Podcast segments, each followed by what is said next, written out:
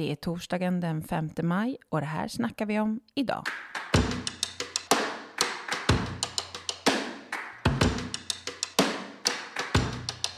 Om det var en sak som coronapandemin visade så var det att det är en dum idé att gå sjuk till jobbet. Under pandemin fick karensdagen, som nu kallas för karensavdrag, ödesdigra konsekvenser. Sjukdomstillstånd förlängdes, skador förvärrades och det smittsamma coronaviruset spreds till fler. Därför infördes karensersättningen under pandemin. Nu är den borttagen igen. Varför är Sverige det enda landet i Norden som har ett karensavdrag? Och hur kan någon argumentera för något annat än att det ska tas bort? Om detta snackar vi om idag. I studion finns jag, Anna Herdy, och min gäst, Vänsterpartiets vice partiledare Ida Gabrielsson.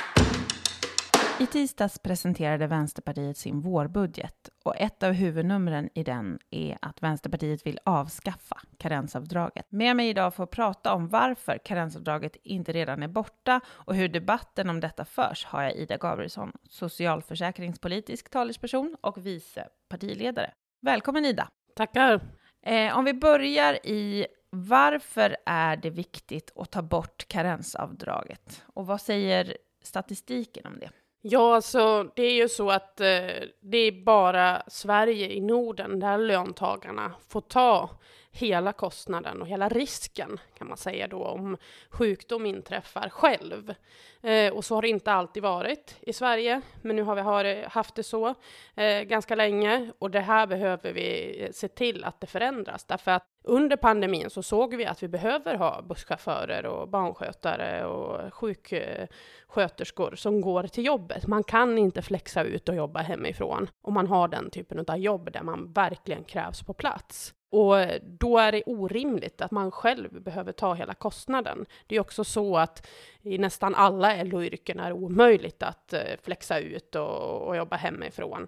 Eh, och en hel del av de andra yrkena också. Och då gäller det ju att eh, vi säger i samhället att det här kan vi bära mer tillsammans. Eh, det är ju så ändå att du kommer att förlora på att vara hemma. Du får sjuklön som är mindre än den vanliga lönen då så att säga. Men det kan bli extremt kännbart för en person som har en låg eller medelinkomst om man förlorar en hel dag för att man har drabbats av sjukdom. Den här karensersättningen sattes ju in under pandemin för att på något sätt lindra då det som det innebär att man var tvungen att vara hemma eh, när man var sjuk, för de som jobbade och inte kunde jobba hemma.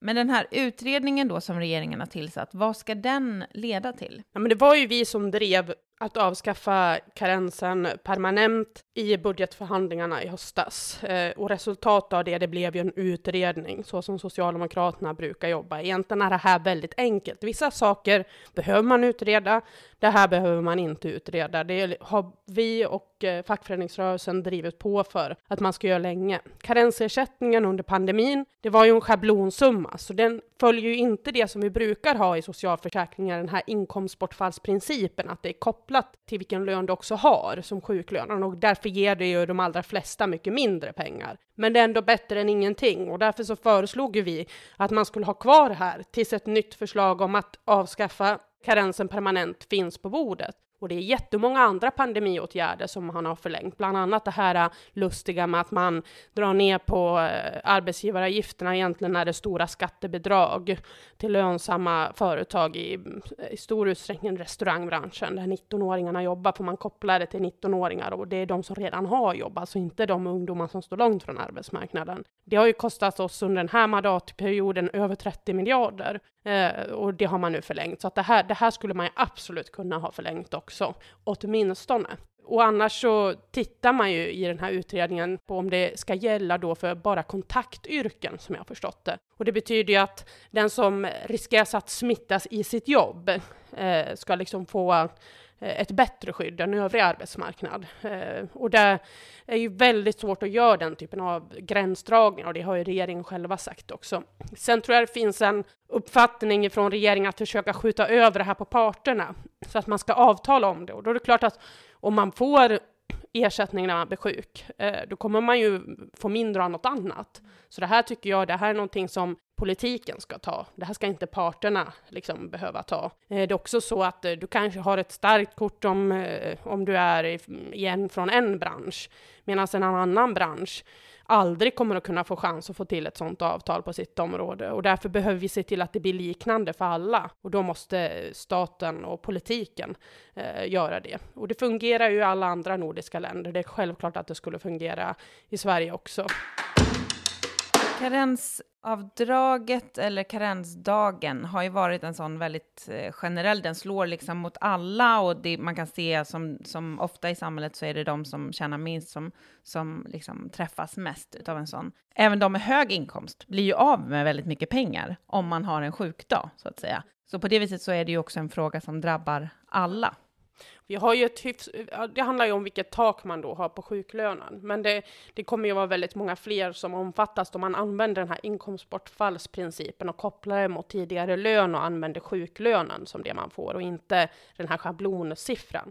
Precis som du säger så kommer ju alla tjäna på det och det är extra viktigt för den som har det dåligt ställt på det sättet att störst andel av inkomsten försvinner ju. Eh, även om det försvinner mer från en eh, högre eller medelhögre inkomsttagare för att den har högre lön så att en dag för den liksom blir dyrare så att säga. Har man en väldigt låg eh, lön så blir det ju väldigt kännbart med någon 500 skillnad så att säga, medan har man en väldigt hög lön så är det kanske inte exakt lika kännbart. Men vi, det är just det vi menar, att vi försöker göra den modellen. Som vi brukar ha gjort i Sverige, den svenska modellen, att man försöker omfatta ganska många. Och det är därför den som har hyfsat gott ställt också ska få ut av det här upp till ett rimligt tak. Vi kan inte kompensera fullt för en arbetsdag för någon som tjänar 75 000. Men vi har ett tak i våra socialförsäkringar, även om vi tycker att vissa av dem kanske borde höjas då, men vi har ju precis höjt taket i sjukförsäkringen. Och då kan också den känna att jo, men det här är någonting jag tycker att vi ska, ska ha och sådär va. Det jag kan känna att framför allt, det kan vara, vara svårt att få med sig en del på, det är ju just de som är vana att kunna liksom samlas upp på sig komp och flexa ut, jobba hemifrån och sådär. Men så o, liksom, solidariska kan vi ju inte vara, att vi vill väl också kunna ha när vi går till sjukvården, att det finns sjuksköterskor och, och undersköterskor på plats där. Vi vill inte att de ska jobba hemifrån, utan vi vill kunna lämna våra barn på förskolan. Eh, och jag menar, där ska det finnas barnskötare och förskollärare, de kan inte jobba hemifrån. Bussen körs inte om inte busschauffören kör bussen, så att säga. Nu ska vi prata lite om de motargument från de som inte vill ta bort karensdagen eller karensavdraget. När regeringen tillsatte den här utredningen som vi precis pratade om så uttalade sig Svenskt Näringslivs försäkringsexpert Katarina Bäck på Svenskt Näringslivs hemsida. Så här sa hon då citat, slopas karensen i sjukförsäkringen kommer det innebära ökad frånvaro, ökade kostnader för företagen och färre arbetade timmar. Det är inte vad vi behöver just nu. Slutcitat.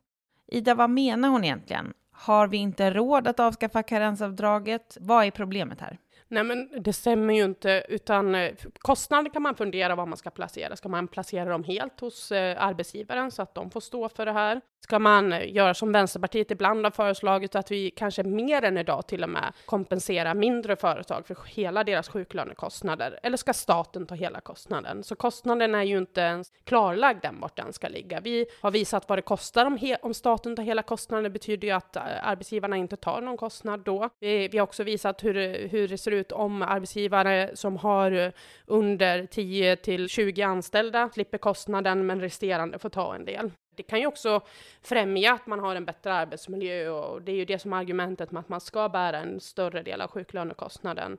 Eh, och det är därför arbetsgivaren betalar en, en del av de här eh, första veckorna när, när någon är sjuk då, så att säga.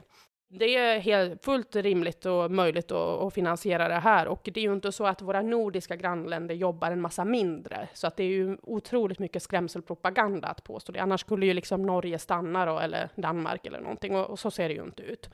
Så därför så är det ju, eh, finns det ju väldigt bra argument att visa på att det, det blir inte så på andra ställen. Eh, och eh, den som tror att någon kommer att bli måndagssjuk, som de säger då, och, och användas av det här, dels är det ju så att man fortfarande kommer att förlora på att vara hemma. Så den som verkligen behöver vara på plats och inte kan flexa ut eller jobba hemifrån kommer ju ändå förlora på att, att vara hemma. Så att jag har väldigt svårt att se att det kommer vara någon... Man, det visar ju också undersökningen att det finns ingen större utsträckning att det blir på det sättet. Och tror man så om människor så kan man ju vända på det och säga att om man redan har tagit en karensavdrag eh, eller en karensdag, ja men varför skulle man inte passa på att vara hemma två dagar till och vila upp sig då, då kanske? Så att det där håller inte riktigt heller tycker jag. Utan vi har råd, det är går att göra väldigt snabbt. Eh, det är bra för samhället och det är bra för löntagarna. Vart kostnaderna ska placeras, det kan man fundera på. Det finns en risk för att om man placerar kostnader på arbetsgivare så får löntagarna ändå ta det i nästa avtalsförhandling och sådär. Så det där behöver man alltid fundera över. Men eh, det är ingenting som är ogörligt och de nordiska länderna runt om oss har på det här sättet och vi har själva haft så förut. Så jag tycker att deras argument handlar mer om att man är ideologiskt förblindad på något sätt. Att man, man ska säga det här med att alla ska göra rätt för sig som har blivit någon slags eh, eh, liksom löntagarfientlig politik. Vi vill ju att det ska löna sig att arbeta och då måste man ha ett bra skydd när man blir sjuk också. Då kan det inte vara så att man själv står för hela kostnaden, för då lönar det sig inte att arbeta.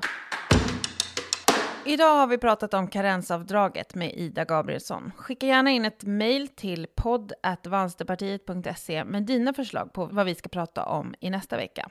Kort bara innan vi stänger snacket för idag. I september är det val. Är du osäker på hur du kan hjälpa vänstern i valet? Vi har en lösning för dig. Ladda ner vår supporterapp. Det är enkelt. Först laddar du ner appen till din mobil, sök på Vänsterpartiet Agera där du brukar ladda ner appar. Sen registrerar du dig och väljer hur ofta du vill få pushnotiser. Sen är det klart. Du kommer nu få notiser om små insatser du kan göra för att stödja Vänsterpartiet i valrörelsen. Det kan vara uppmaningar att sprida inlägg i sociala medier, tipsa vänner om artiklar, debatter eller aktiviteter eller saker du enkelt kan göra själv eller tillsammans med vänner. Du väljer själv hur aktiv du vill vara och hur ofta. I appen hittar du också länkar till fakta om Vänsterpartiets politik och tips på andra sätt som du kan bli aktiv i partiet. Ju fler vi är som gör en insats, stor eller liten, desto större chans för vänstern att växa sig starkare. Tack för att du lyssnade och vi hörs snart igen.